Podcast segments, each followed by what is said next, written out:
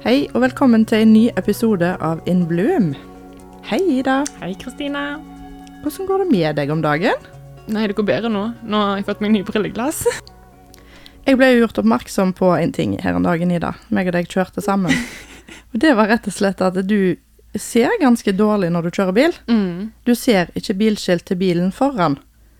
Eh, så jeg Jeg visste ikke at det var vanlig, at Nei. du skal se det. Nei, du Nei. tenkte det var greit at det var utydelig. Ja. Så jeg merker at det, jeg syns det var veldig greit at du nå har fått deg nye glass i brillene dine. ja. Sånn at jeg nå igjen da kan tørre å sitte på. For jeg hadde lyst til å kjøre sjøl en periode. Er det derfor du kjører sjøl i dag? Ja. Ja. ja, for jeg visste ikke at du hadde henta brillene dine. Nei, OK. Men de var veldig stilige, Ja, jo, takk. og det føles bedre nå. Det kan... føles bedre. Ja, Eh, jeg har jo tenkt på at jeg skulle gå og sjekke synet mitt i eh, sikkert et år. Um, så jeg gjorde det endelig, og det trengtes. Så hvis det er noen andre som er inne på tanken, så bare gå og sjekk synet. just do it. Ja. Ja. Få det gjort. Ja. Men jeg er veldig klar eh, til å gå over fra temaet briller til den mer spirituelle verden. I dag har vi med oss en interessant og spennende gjest. Hun kaller seg for Healer Susanne, er opprinnelig fra Haugesund, men hun bor nå i Stavanger-området. Hei, Susanne. Hallo, hallo. Så deilig å høre dialekter. Vet du hva, jeg føler meg så hjemme jeg nå at nå kommer jeg jo til å bare blørte ut med alle private ting. Jeg føler jeg sitter med venninner, på kafé. så- Nå er det bare dialekt. Det kun dialekt. Det var, det var nydelig å høre på. For uh, i Stavanger så, så hører jeg det ikke så mye som en skulle tro. altså. Nei, sant? Det er litt interessant det der. Du skal ikke så langt vekk før du egentlig mister litt den der en biten. Helt klart. Og nå har jo jeg bodd vekke siden jeg var 19 år, og nå er jeg 42. Så det begynner jo å bli noen år. Og holdt bra på dialekta di, da. da. Jeg synes jeg Det skal du ha. Ja. Ja, faktisk. Skulle ikke trodd at du hadde bodd vekke så lenge, for vi blir jo litt påvirka kanskje når vi både har eh, enten mann eller uh, danner oss relasjoner en annen plass. Jeg er i hvert fall veldig sånn at har jeg vært med noen som bare er på Karmøy, er det ikke du som sier det i dag, Jo. så får jeg Karmøy-dialekt. Etter to minutter Etter to minutter så kommer jeg snart. så kommer jeg snart i mål. Ja, ja. Men du holder iallfall godt på dialekt, da. Ja, det, skal, det, det tror jeg at jeg gjør stort sett, altså. Ja. Men Healer Susanne, det er jo et interessant eh, navn. Eh, hva, hva legger du i det når du har kalt deg for Healer Susanne, og hva jobber du med? Ja, altså den, eh, den historien der, da må jeg ta dere tilbake til 2009, hvor jeg skifta jobb fra å jobbe som markedssjef i oljebransjen til å bli eh, healer på fulltid. Så grunnen til at jeg kalte meg healer Susanne, var rett og slett fordi at jeg aldri hadde følt meg mer på plass i meg sjøl enn etter en helt spesiell opplevelse som jeg hadde hjemme i min egen stue, hvor hendene mine plutselig over natta begynte å brenne. Og Da var de så varme at jeg klarte ikke å holde dem inntil dongeribuksa mi. Og så fikk jeg en beskjed fra noe som jeg trodde var en engel, og det er jo litt spesielt når du ikke har kontakt med engler til det. Ja. for å si det sånn. Eh, olje, oljeredere, men ikke engler, liksom. Ja. Så eh, sa at jeg skulle hjelpe mennesker med den eh, krafta mi. Og da tok jeg jo en telefon til, til mamma og sa at jeg kan nå tro jeg har tørna. For det første så brenner hendene mine gjennom dongeribuksa mi, og så er det ei kraft her som sier at jeg skal hjelpe mennesker. Og hun kaller seg Aurora. Wow. Og så sier mora mi da ja, men herlighet, Susanne, engler heter jo Gabriel og sånn. Så det er jo sikkert ikke det. og da tenkte jeg jo at det, det er jo ikke akkurat poenget her. Eh, men fra den dagen av så kunne jeg kjenne andre folk sin smerte på min egen kropp. Jeg kunne kjenne parfymelukt gjennom telefonen. Jeg visste plutselig at eh, du datt ned fra klatrestativet i 2001. Altså sånne helt tydelige ting som bare ble kasta inn i hodet mitt. Så Så spesielt fra den dagen at å oppleve det. det- må jo Ja. Ja, og så er det mange som spør meg, da herligheten må være veldig skremmende for det første, veldig rar. Men det var som om at jeg endelig var meg sjøl, da. For jeg har alltid trodd at jeg var veldig god på å gjette gjennom livet. Jeg gjetta Mm. på eksamener, og jeg gjetta at naboen skulle skille seg, og jeg vet ikke hva jeg ikke gjetta, liksom. Men eh, da forsto jeg jo at eh, her er det jo rett og slett krefter som har kommunisert med meg hele livet. Som Du har kanskje bare ikke visst det, sant? Ja. Helt korrekt. Mm. De måtte røske veldig hardt i meg for at jeg skulle forstå at her er det en eh, spirituell opplevelse på gang, og nå må du vekk ifra det du har gjort fram til nå, nemlig å jage karriere, til å gjøre det du absolutt er ment for å gjøre. Og det er så fint når du forteller sånt ord, for jeg tenker jo det ene av de spørsmålene som var det første vi hadde her, var om du kan lære deg dette, eller om det er medfødt. Og det høres ut som du har hatt de evnene her ganske lenge, men så har du gjerne ikke lytta, som du sier, eller visst helt hva det er du får beskjed om. Helt klart. Altså, det er jo aldri fokus på det i barndommen, verken på skolen eller i sosiale sammenhenger. At eh, du har på en måte tilgang til en helt spesiell kraft. da. Som når du oppnår den kontakten der, så har du et kompass i deg sjøl som er utrolig sterkt. Og som vil veilede deg mye bedre når du er noe jeg kaller hjertestyrt, kontra det å være hjernestyrt. Mm. Fordi vi er blitt opplært til at det er det mentale vi skal høre på, og ikke hjertet vårt. Ja, altså litt logisk, jeg- sant? At det skal være logikk rundt det yes. du velger. Mm. Og det er jo ikke så mange som er lykkelige på jobben når de kun velger med hodet. Når du har egentlig lyst til å bli frisør, men du ble økonom fordi faren din ville det, f.eks. Dette har jo meg og Ida snakket om i tidligere episoder, og vi har jo hatt veldig fokus på det å følge drømmene sine, og at vi havna her er jo litt fordi at vi har tatt tak i ting som vi liker å gjøre sjøl og ønsker å teste ut. Eh, på bekostning av andre ting, så klart, men det har jo vært positivt, da, i den forstand. Men vi har jo gitt avkall på det der en hamsterhjulet som vi snakker litt om, og det, det rottereiset som det vil være når du ikke trives, eller, og du bare gjør det for penger, eller status, eller noen andre mener du burde gjort det, for det er du god på. Mm. Så det er jo kjempeviktig og flott. Og så kjekt at du deler med din egen eh, start på dette her spennende eventyret. Altså du sa 2009, så det begynner å bli noen år. Ja, altså i forkant av dette her, så er det nok et par år hvor eh, denne her spirituelle opplevelsen sto inn. Men i 2009 så eh, begynte det å rykte seg til media hva jeg drev på med. Og da var det det er faktisk en ganske morsom historie, fordi min mormor hadde hørt om disse evnene mine. Og så hadde hun ei dame i samme leilighetskomplekset som eh, hadde en lam fot. Og da tenkte hun at jeg bare skulle gå på besøk til henne og fikse den. og da tenkte jeg bare å herlighet, mormor, jeg er jo liksom ikke Jesus heller. Hva er det du forventer meg? Ja, men herlighet, du kan jo gå inn og prøve. i hvert fall, sant? Og jeg tenkte bare herlighet, hun har sikkert det forventningspresset. Jeg aner ikke hva jeg går til her nå. Eh, så jeg litt sånn motvillig følger mormor inn til denne dama som jeg ikke kjente. Og la hendene på beina hennes, og så sa jeg at du, nå vet jeg ikke helt hva mormor har sagt, jeg vet ikke helt hva denne kraften kan gjøre. Men hvis du kan ha mindre ubehag, så er jo det eh, fantastisk. Og det som skjedde med denne dama, det var faktisk fra Nordheim. Så hun eh, spaserte ut igjen, hun. Oi. Det var jo starten på noe veldig spesielt. Og hun vet jeg òg tok kontakt med media. Altså, jeg lurer på om det var NRK. hun eller en sånn forskningsgreier på, på healing, fordi hun syntes dette var så spesielt. Men i hvert fall så var det starten på et medierace uten sidestykke. For da begynte jo folk å snakke om disse tingene her. Mm. Så etter et par artikler i Hjemme Ukeblad, jeg var på NRK, de lagde dokumentar om meg. TV Haugaland var selvfølgelig innom. Eh, så var det da i 2009 så hadde jeg så mange telefoner at jeg valgte bare å si opp jobben min som markedssjef. Og så ville jeg starte som hiver. Ja, for du hadde telefoner fra potensielle kunder da? Å ja, Mm. herlighet. De sto på døra mi. Jeg. Jeg dro, ja, men det, det er sant. Jeg, jeg flykta til Thailand. Oi!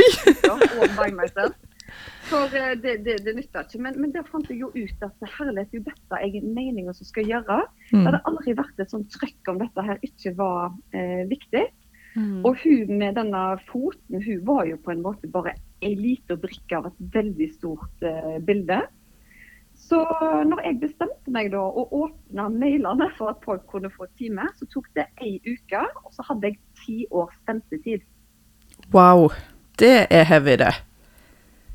Og jeg tenker ja, det er ganske det er ganske heavy bø. Ja, det tenker jeg det er litt uh, å, å bare egentlig kaste seg i det, og så får du så mye med en gang. Men, men hvordan følte du det var? Var det litt overveldende òg, eller kjente du bare på Kom igjen, bring it on. Eh, jeg har alltid hatt en veldig stor arbeidsmoral, så i begynnelsen så var det egentlig sånn fake it to make it. Ja. Så kom jeg på kontoret, så tenkte jeg nå må jeg jo bare late som dette har jeg gjort i evighet. sant? Men det var jo utrolige ting som skjedde inne på det kontoret der. Altså Du kunne nærmest føle krafta, jobbe i rommet, og armer og bein begynte å bevege på seg uten at folk gjorde noe. Og det, det, det- var jo en helt enorm opplevelse for meg, og inkludert disse klientene som, som kom. Mm.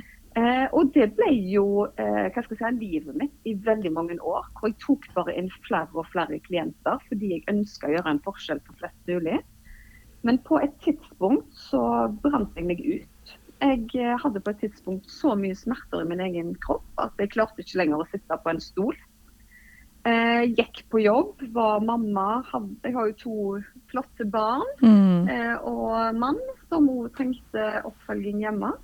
Men det var, var heftig, altså. Så på et tidspunkt der så ble jeg tvungen til å gå litt inn i meg sjøl. At jeg er nødt til å formidle denne krafta på en litt annen måte enn det jeg har gjort til nå. Du måtte rett og slett jeg- endre litt, eh, litt løpet ditt? Ja, i starten så skjønte jeg ikke at det var det jeg gjorde, men jeg våkna opp grytidlig en morgen og snudde meg til Erik, mannen og så sa jeg bare Du, vi skal lage podkast. Han bare Å ja, skal vi det, ja? Ja, han skal hete Uhøytidelig spirituell. Så han bare Å ja, ja, det er jo kjempefint. Så vi prøvde egentlig bare å I starten hadde vi bare en mobil inne på kjøkkenbordet og bare snakket litt igjennom den historien jeg delte med dere nå, faktisk Mm. om hvordan på en måte ting starta. Men så fikk vi ganske mye lyttere ganske kjapt. Og nå er vi jo oppe i 250 000 lyttere.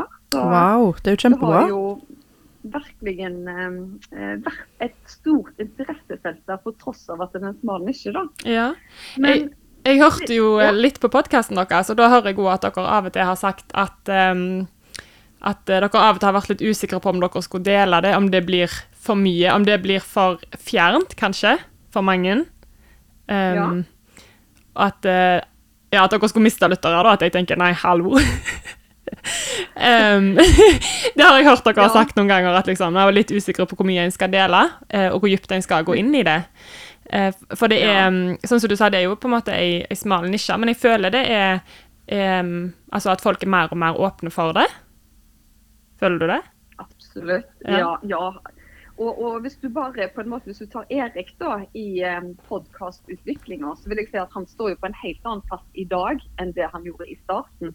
I starten tror jeg han var mye Han var redd for på en måte å vise sin spirituelle side, da. Og skulle være veldig sånn seriøs og veldig kritisk i spørsmål og sånne ting. Men det har jeg merka at det faser mer og mer ut. Han syns det er mye mer spennende og fengende at vi tør å stille åpne spørsmål. Mm. Men det jeg ikke skjønte på det tidspunktet når jeg foreslo det med podkast, var egentlig hvor stor endring det ville ha for meg og mitt arbeid. For på et tidspunkt der så sier Erik til meg Susanne, du er helt utsletten. Du tar inn flere og flere klienter. For å si det sånn, Den ventelista blir jo ikke mindre uansett hvor mye du, du, du jobber. Eh, og så er det alle har unger og barnebarn og naboer og noen onkler i Amerika og sånn. Så siden du fikser meg, kan du ikke fikse deg. sant? Og det er forferdelig å være den som sier at nei, jeg har venteliste. Så, så, så det baller på en måte på seg. Men så sier Erik til meg det at kan ikke du via neste sending på podkasten bare prøve å ta en healing digitalt? Så sender vi denne podkasten, og så kan du prøve. Og det var i episode 24, det husker jeg eh, veldig godt. For det ble da lagt ut som en egen fil, hvor folk kunne teste den ut. Mm. Og så sier jeg til Erik at ja, hvis én og to merker noe, så er jo det fantastisk. Fordi fjernhealing er jo like effektivt som én til én, men jeg var jo ikke klar over hvordan det ville fungere når det var på en fil. Da er det jo gjerne ikke på akkurat det tidspunktet jeg sender healing heller. Eh, og den eh, episoden blir sendt, og dagen etterpå Jeg tror jeg hadde 3000 mail. Oi. Det, altså, Wow! det, det bare strømma inn med tilbakemeldinger om skuldre som hoppet i posisjon, strømninger i kroppen, varme, sterke spirituelle opplevelser. Så jeg og Erik satt egentlig bare og kikket på hverandre. Altså, skjer dette her? Så det var jo egentlig starten på at jeg så at her har jeg en mulighet til å hjelpe mange flere enn å sitte på kontoret og ta én til én. Ja, altså du kan nå ut til flere, faktisk, sant? På en helt annen Mm. måte. Ja, for nå, nå er det det- podkast og, og de her filene og den type meditasjon. Det, det er sånn du jobber nå, så jeg har forstått? Det gjør jeg. Og Mm. det som skjedde, var jo det at eh, jeg var så sliten i min egen kropp at jeg erkjente kjent at jeg måtte ta operasjoner. For jeg hadde så mye ryggsmerter at jeg klarte ikke å sitte. Og det er jo litt sånn tenk dårlig reklame å være healer og ha vondt en plass, liksom. Ja, for da tenker jeg, kan ikke du fikse deg sjøl? ja. Du, da spør jeg en frisør, er du god på å klippe deg sjøl? Så det er, jo, det er jo litt på samme måten. Jeg tror vi alltid vil være flinkere veiledere for andre enn oss sjøl. Og i mitt tilfelle så tror jeg jeg hadde kjørt meg for hardt over for uh, lang tid. Men jeg er jo såpass spirituell at jeg tenker at ting har en plan, og det var det jo til de grader. Under første operasjonen jeg hadde, så var det så smertefullt at det går ikke an å forklare. Og da fikk jeg beskjed av mine usynlige hjelpeguider at jeg har et spesielt gen som gjør at jeg ikke responderer på smertestillende. Det tok meg bare 40 år å finne ut av det. Så jeg måtte gi beskjed til Tydelig at jeg ikke har tatt mye painkillers i mitt liv, liksom. Eh, Så jeg ga beskjed til sykehuset at de måtte teste meg. Og jo da, det kom fram da at jeg har et sånt spesielt gen som gjør at jeg ikke responderer bl.a. på Paralygin forte og disse andre sterke smertestillende. Eh, men det som da skjer, er når jeg har det så vondt som det jeg har det, så får jeg av guidene mine Susanne, nå legger du deg ned, fordi vi skal lage en healing som vil hjelpe deg og mange andre. Så når jeg var på det verste, så satte jeg på tape på min telefon. Og ordene bare strømma gjennom meg. Og det var en sånn en tilstedeværelse og en kraft i det rommet i stua mi at det, det kan ikke beskrives. Ja, For da får du bare beskjed om hva du skal si, eller? Ja, Ja. ja. så ingen av mine guidede healing-meditasjoner er planlagt. Alt er på direkten. Så jeg aner ingenting hva som kommer. Og mange ganger vet jeg ikke hva jeg har sagt etterpå. Og noen har jeg på sjøl, mens andre er på en måte ikke til meg, men til andre. Ja. Men eh, det var den som heter Selvhelbredelse 1.0. Og de som har lasta den ned, eh, sier jo at det var jo starten på noe helt unikt. Fordi det var så heftige energier i den. Og det var det som gjorde at jeg fant en ny måte å hjelpe folk på. Og jeg tenker jo sånn som vi snakket om her nå, i forhold til hvordan det var eh, tidligere med når vi snakket om å være spirituell eller høysensitiv og ta imot beskjeder og alle de tingene som du har nevnt nå, så, så høres det ut som at vi har kommet et stykke med at folk er mer åpne. Eh, og at de da laster ned, de kjøper tjenestene av deg, og de tar kontakt med deg. Nå er jeg en av de sjøl som har eh, lasta ned noen av meditasjonene dine, og jeg syns jo for det første så har du en enormt behagelig stemme å høre på. Eh, og så tenker jeg noen ganger når jeg ligger og hører, eh, når jeg er til stede, for, for noen ganger så forsvinner jeg litt òg. Er det vanlig? At du kan liksom ikke sovne, men kanskje at du forsvinner litt vekk? Absolutt. Ja, Jeg syns det er så gøy det du sier med behagelig stemme. ja for det har du. Eh, når jeg, for når jeg blir intervjua, så er jeg, sånn som Erik sier, det høres ut som du snakker med deg som er i Afrika, liksom, fordi jeg brøler sånn. Men når jeg har disse meditasjonene, så, så er det akkurat som det er en annen som snakker gjennom meg. Så mine venner opplever jo at jeg er på en måte to, da. Det Mm. er healer Susanne, og så er det meg private Susanne som kjaser med denne stemmen. Men så blir det en helt annen sånn melankolsk over det når jeg er inne i den kanaliseringsrollen, da. Så det er stor forskjell på det, får jeg beskjed om. Ja, og det er jo enormt kraftfullt, som du sier. Jeg har opplevd sjøl at det har eh, akkurat som litt kriblinger i beina, og du leder oss jo gjennom på en sånn reise, hvis du da klarer å tillate deg sjøl å slippe å bare være med. Så er det utrolige ting du kan, du kan oppleve, som sagt. Og jeg, jeg våkner alltid av det når jeg tar ut AirPods eller skrur av meditasjon, eller når han da er, er naturlig slutt, at akkurat som du er litt lettere til sinns og litt gladere og Jeg syns jo meditasjon har vært fantastisk verktøy, så bare for å selge deg inn litt til. Ja, men så fantastisk.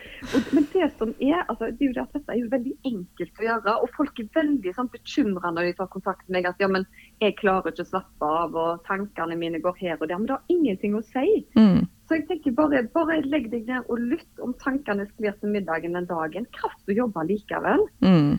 Eh, og jeg synes det er jo spesielt fascinerende med den for barn, da, for jeg har en egen fil som heter Barn. Og det som er så gøy, er det at til og med søstera mi sin datter, som sto og hoppet i senga, fikk henne ikke til å legge seg. Så sier søstera mi, men du, har ikke du testa ut den healingen jeg har sendt til deg? Så svarte hun, jeg husker ikke. Og jeg tenkte, det er et dårlig svar, det hadde du huska. Så jeg heiv på hylingen, og jeg tror det tok fire minutter. Så bursov hun, liksom. Ja. Så, så det er et eller annet med den, den krafta der som gjør at vi kommer i en sånn tilstand hvor vi bare slipper alle inntrykkene fra dagen og går inn i den eh, tilstanden. Så det at du forsvinner litt og blir trøtt f.eks., eh, det gjør absolutt ingenting. Det viser bare at krafta jobber dypt. Ja, for første gangen så tenkte jeg at søren nå, nå sov jeg meg igjennom det hun skulle Det hun skulle vise meg, Ja. og så tenkte jeg at eh, nei, dette kan ikke stemme. Men det er så gøy, fordi jeg har jo en som heter Søvn. eh, Og da har jeg fått så mange mailer at eh, altså beklager, altså, men jeg får aldri hørt en søvn ferdig. Er det noe jeg gjør feil? Så jeg, men det det er hele vitsen. Du skal jo sovne, sovne under den. Og, å ja, ja, nei, da så liksom. Så, og, og det som er litt gøy, da, sånn som den der sånn søvnhealingen. Nå er det jo veldig mange opptatt av disse pulsklokkene sine og dette med restitusjon på natta og sånn. Eh, og det er jo flere nå som har testa ut å bruke disse klokkene når de ikke hører på søvnhealingen, og når de hører på søvnhealingen. Og Mm. det er betraktelig forskjell på som viser utslag på klokkene. At det er mye dypere effektiv søvn når de har hørt på den healingen. Og det syns jeg er utrolig fascinerende. Ja, det er veldig Det er jo på en måte altså, det er jo et fysisk bevis. Mm, det er det, altså. Så, um, men jeg tenkte på uh, Hvis du f.eks. da er litt skeptisk, hvis du ikke er så åpen, Ja. vil, en, vil du oppleve meditasjonen likt? Eller kan du heale noen som er skeptisk, eller må de være åpne? At du merker at ehm, Hva heter det? Auraen er åpen? Mm. Eh, Eh, veldig godt spørsmål. Jeg har alltid elska å jobbe med folk som er skeptiske. Gjerne sånne hvor konene har meldt seg inn til timehold, at de ikke helt har lyst til å gå. ja. Eh, fordi de har jo null forventning. Altså De kommer jo inn der og tenker ok, jeg må bare lide meg gjennom denne timen med Susanne, og så skal jeg hjem og se at dette ikke har funka. Så det har jeg alltid likt veldig godt, fordi at uh, da blir uh, opplevelsen veldig positiv som regel. ja. Fordi de aller fleste uh, kjenner jo fysisk at det er noe som foregår. Enten på fjernhealing eller på én-til-én-healing på kontoret mitt. Mm. Um, så det med skepsis, ehm, det har jeg ikke så store problemer med. Og det jeg opplever er jo bl.a.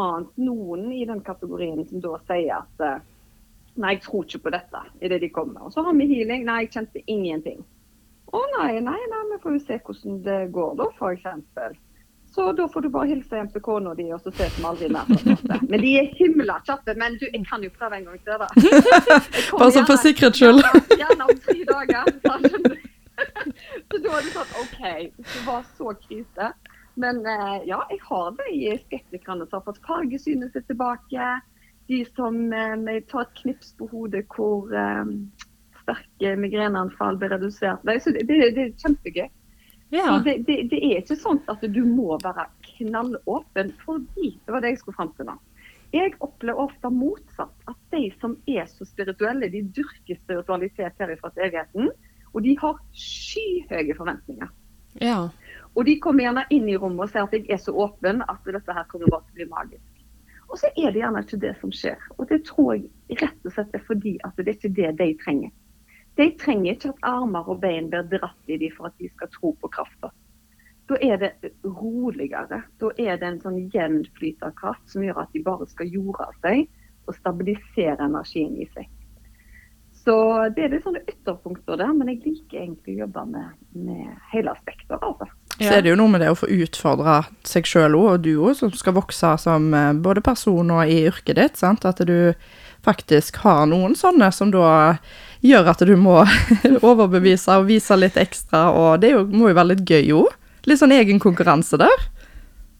Ja, men så slutta jeg egentlig med den, eh, den overbevisningen for veldig mange år siden. Fordi det vil alltid være et menneske som uansett hva de kjenner og opplever, så skal de ikke innrømme det. Nei. Og Du kan på en måte se på en måte på hele bevegelsen deres at oi, de har jo ikke vondt i ryggen lenger, men de skal ikke innrømme det. på en måte. Mm. Så, så, så, så Sånne personer så det kommer jeg aldri til å kunne overbevise uansett. Fordi det er viktigere for deg å Har rett. dette tror jeg, ja, rett og slett, enn å faktisk eh, gå en runde med seg sjøl og tenke at, eh, at dette fungerer, da. Mm. Men, eh, men nå gjennom disse digitale healingene, så er det jo så ekstremt mange som tar seg tid å skrive tilbakemeldinger òg. Og det jeg ser, er jo det at har du prøvd healingen én gang, så er det 85% som kommer tilbake og vil ha en ny healing etterpå i disse digitale kjøpene. Ja. Og da må det jo bety at det gjør noe med folk, tenker jeg. Absolutt. Og jeg tenker jo litt sånn eh, Hvis det er noen nå som, som lytter på, det håper jeg jo, som kanskje er litt ekstra interessert og har lyst til å gå inn og kikke, hva- hvordan kan de vite hva de trenger, på en måte? For det jo kan jo være litt vanskelig når du bare kjenner at jeg trenger noe, men jeg vet ikke hva. Vet du hva, Jeg syns det er et fantastisk spørsmål. For tro meg, jeg har revet meg i håret nå når det har blitt 25 healinger. og skal prøve å forklare det til folk på ei nettside. Eh, men det første jeg kan si, er at du kan sjelden gjøre feil. Fordi krafta er lynintelligente. Men eh, er du usikker på hvor du skal starte, så kan du sende meg en e-post, og så lager jeg en eh, guidet healing-meditasjonsplan hvor du kan følge til punkt og prikke for de symptomene du måtte ha. Men er det en sånn safe ting du kan starte med, så er det den selvhelbredelse som heter 1, 2 og 3. Så kan du begynne med den som heter 1. Eh, det eneste betingelsene jeg har på en måte for å starte healing, er at alle bør ha den som heter beskyttelse imellom de ulike healingene. Fordi vi fort kan bli åpne i energifeltet vårt, og vi vil jo bevare kraften i det, og ikke på en måte at den skal fyke ut til, til naboen. Mm. Men eh, du kan sjelden gjøre feil, og folk er veldig flinke å plukke healinger sjøl. For går du inn på en måte på guidede healing-meditasjoner, så står det kanskje en for eh, en som heter hormonmagi, en som heter kjærlighetsmagi, en som heter eh, indre ro. Så på en måte navnene representerer veldig det vi jobber med, da. Så er du stressa, så velger du stressmestring, rett og slett. Ja, du, du klarer liksom å finne noe som eh, Det vil vel kanskje stå med store bokstaver for deg. At hvis du er en veldig Ja. stressa person eller sliter med søvn, så OK, jeg tar søvn, jeg. Ja, rett og slett. Men det som er da, litt som hvis du tenker på et sånn medisinsk perspektiv, uten at det er det, så kan du av og til få forskjellige medisiner av legen fordi de hjelper hverandre. Mm. Og sånn som Hvis for du er en person som sliter med søvn, så vil jeg anbefale deg å bruke den sammen med selvhelbredelse. For selvhelbredelse går på opprydningen og finner gjerne litt årsaken. Hvorfor sover du ikke? Mens søvnen er jo rett på symptomene. sant? Vi skal ha deg til å sove. Ja, så de hjelper litt hverandre. Ja. Mm. Ja. Mm. Så nei, så det enkleste er jo egentlig bare å, å be om en Og så har jeg tre forskjellige planer som ligger ute. En på tre uker, en på seks uker og en på ni uker. Og den passer for alle. Så det gjør noen ting feil. Nei, og det er jo veldig flott at du òg tar, tar deg tid til å følge opp såpass godt at hvis noen tar kontakt, så er du der og kan hjelpe dem og veilede dem til hva de kan, eh, kan velge, og, og hva som eventuelt kan, kan være greit å starte med, og så òg sette sammen, som du sier. Absolutt. Og jeg er veldig flink til å svare i form av talemeldinger. Sånn at eh, det er, det er personlig. Det er ikke noe copy-paste fra noe annet. Så Nei. Du svarte på talemelding når du ble invitert i studio her, og det syns vi var kjempekoselig. Så bra. Nei, jeg prøver å ta talemelding med mindre jeg er et selskap. liksom. Da kan det være at jeg eh, tekster litt. Men eh, jeg eh, pleier å være veldig flink til å respondere så raskt som mulig. Selv om det er ganske stor pågang, så prøver jeg å få gjort det mellom slagene. Ja, det høres jo kjempebra ut. Jeg syns du er god, jeg. Tusen takk. Vi prøver i hvert fall til beste evne. Men jeg er jo på en måte bare en kanal. Og disse guidene de driver litt sånn rovdrift av og til, for jeg får jo ikke alltid hvile. Men uh, Nei, det det- er det større lur- mening med det. Det lurte jeg på sånn, hvis du um, hjelper Nå du jo, har du gått over til mer digitalt ord, men sånn som før, da, når du har mange på kontoret, blir du veldig tappa for energi? Uh, ja, altså, jeg blir ikke så tappa i situasjonen, men det er all oppfølgingen rundt. For det er ikke sånn når du har én-til-én-healing med meg, jeg sier ha det bra, lykke til i livet. Det er på en måte eh, all tiden imellom fra du går derifra til du kommer neste gang. Og det kom til tider være tappende. Veldig mange beskjeder, veldig mange som ringte, veldig mange som sendte mail og hadde veldig mye spørsmål. Så det klarte jeg egentlig ikke å holde tritt med etter hvert. Fordi hvis du har ti stykker til dagen, og alle kontakter deg til alle døgnets tider, så er det ganske heftig. Ja, det blir jo mye. Um, og jeg sa jo Ja, til enkel matte. Det Ja. er liksom 50 til dagen pluss de som var der i går òg, liksom. Ja. Så ja. Ja, det blir for mye. Um, jeg synes jo det, Som jeg sa før vi begynte å, å spille inn, så sa jeg jo at jeg er på en måte åpen. Jeg tror det er noe mer mellom himmel og jord, men allikevel så er jeg på en måte litt skeptisk. Um, eh, men allikevel så syns jeg det er veldig spennende og interessant. Uh, og det som jeg syns var litt gøy da, var jo det at vi hadde jo nesten ikke fått sagt hei før du kjente forskjell på våre energier her. At en er litt mer Ja. nervøs, eller at en er litt mer urolig, og en er mer rolig. Altså, eh, og du hadde jo helt rett. Eh, Ja. Det er jo veldig, Pleier å- veldig pleier interessant at du kan si hei, og så Ja, eh, forresten. Hørte, hørte du hva hun sa? Hun pleier å ha rett. Ja, jeg har rett. så det Men jeg tar aldri æren for det, vet du, fordi det er jo som regel min og det stoler jeg 100 på. mm, Og jeg har jo faktisk hatt de klienter som jeg bl.a. har sagt at å herlighet, mista du faren din for tre år siden f.eks.? Og gjerne en dato. mm, Nei, nei, nei, nei, nei. Det var to år siden. Det var veldig. Og så blir jeg så forståelig at jeg sier jo, det var det faktisk. Så bare gå hjem og sjekke. Og ti av ti ganger så kommer de tilbake, så er det de sjøl som har tatt feil. Så jeg, jeg vet ikke alltid hvorfor jeg tør å være så basante, men eh, det er akkurat som det er noen som snakker gjennom meg. da. ja, at du har rett. Jeg snakker ikke om eh, dårlige beskjeder. altså Jeg vil aldri se om noen eh, er ulykke eller om noen skal bli alvorlig syke. Jeg er ikke der i det hele tatt. For det var en kontrakt jeg eh, hadde med mine guider. Jeg vil ikke se ting jeg ikke kan gjøre noe med. Mm. Så hvis noen kommer med f.eks. kreft i magen, så vil ikke jeg se at det er kreft i magen. Jeg vil se at oi, har vi et problemområde i magen som vi må slite. Ja. Men Mm. um, jeg, bare, jeg har ett spørsmål til deg. Det jeg lurer på, er om alle kan um, bli så åpne og motta sånne beskjeder. Ja, Eller- vet du hva? Der har jeg forandra litt eh, mening. Ja. Eh, jeg, før i tida så trodde jeg kanskje at du, du måtte bli født med det. Og du kunne på en måte ikke kurse deg i det. Mm. Men så har jeg jo vært på en enorm spirituell utvikling sjøl, og nå har jeg virkelig skifta mening. Men så er det sånn at oss tre, da. Begge har to bein og vi har eh, to armer, og alle har muligheten til å jogge. Men så har en av oss et større anlegg for å bli olympisk mester enn en annen. Mm. Så noen på en måte trener mye, mens andre bare ligger det i. Så hele poenget mitt er det at eh, det er ikke alle som har det som et supertalent, men alle kan bli bedre i det. Og nå har jeg jo et kurs som heter Vekt din intuitive healer. Helt Altså, jeg har ikke ord over hvor enorme utvikling disse deltakerne har. Til å aldri ha kjent på verken å være intuitiv eller ha healing ennå. Nå sender healing og kraft, og enkelte har valgt det som yrke i tillegg. Så det er ikke sånn at fordi at jeg våkna opp en dag og hadde den spirituelle reisen, at eh, det er kun jeg som kan dette, og noen få andre. Alle har tilgang, og jeg tror jeg har fått dette kasta på meg fordi jeg bare er en veiviser til andre i tillegg. Så jeg tror nok jeg har en evne til å tenne den gnisten i andre ord ved å bare være til stede i min energi og trykke på de rette punktene, sånn at eh, kursdeltakerne får kontakt med sin egen kraft og sine guider. Mm. Og så har vi jo fått inn noen spørsmål helt på tampen her, Susanne, fra lytterne våre, eller nærmere sagt i hvert fall to spørsmål som jeg lurer på om jeg kan få lov å stille deg her på direkten. Selvfølgelig. Eh, og det er jo litt sånn uh, ja, ambivalent uh, spørsmål når vi snakker om, om lønn og penger, men det er noen som har lurt på om du kan leve av yrket ditt. Jeg lever veldig godt. Ja.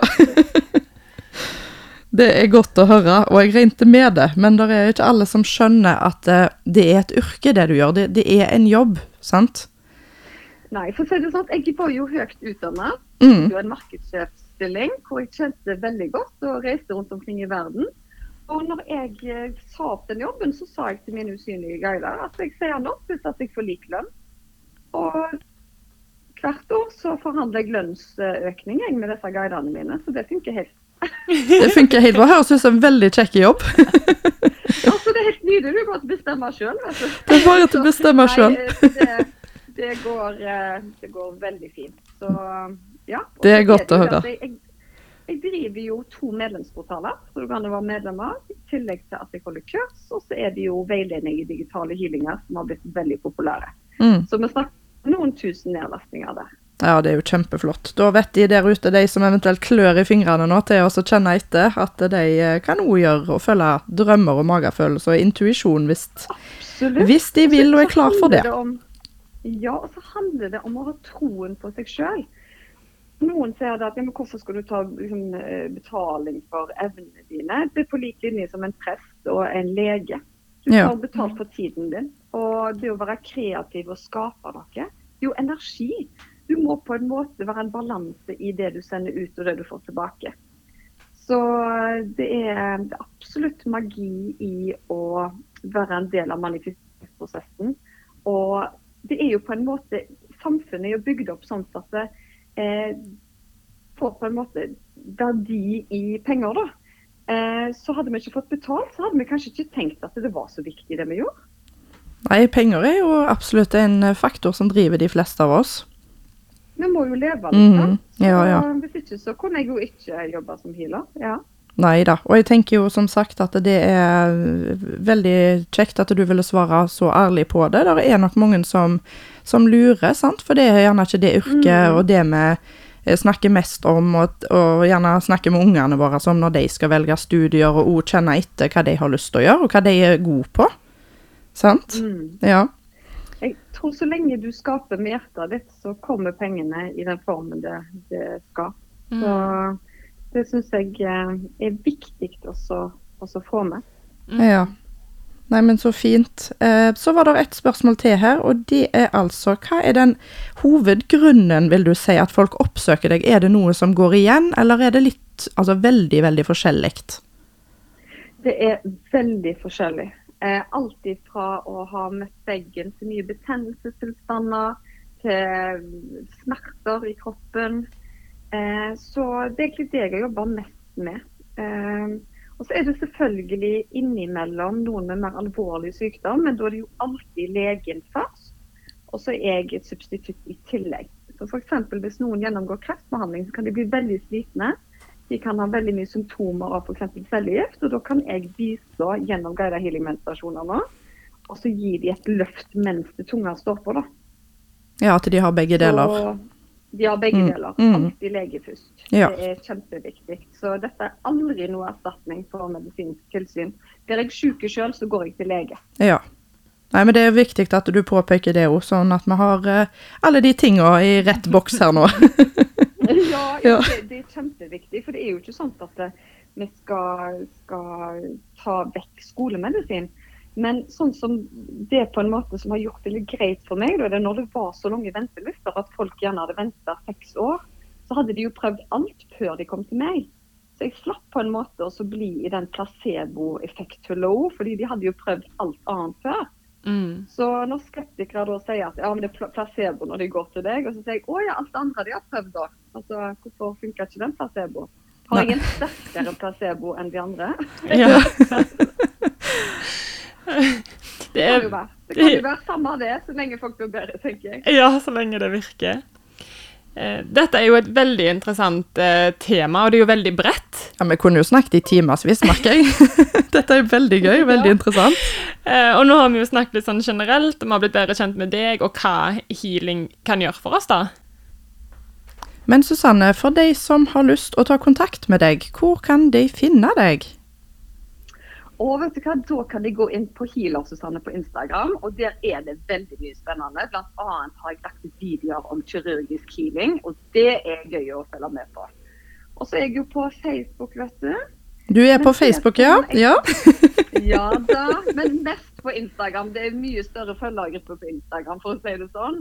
Men det som er litt gøy, at nå den 12. september så skal jeg og en kollega i gang med et kurs som heter Heal to get real. Og det starter den 12. september.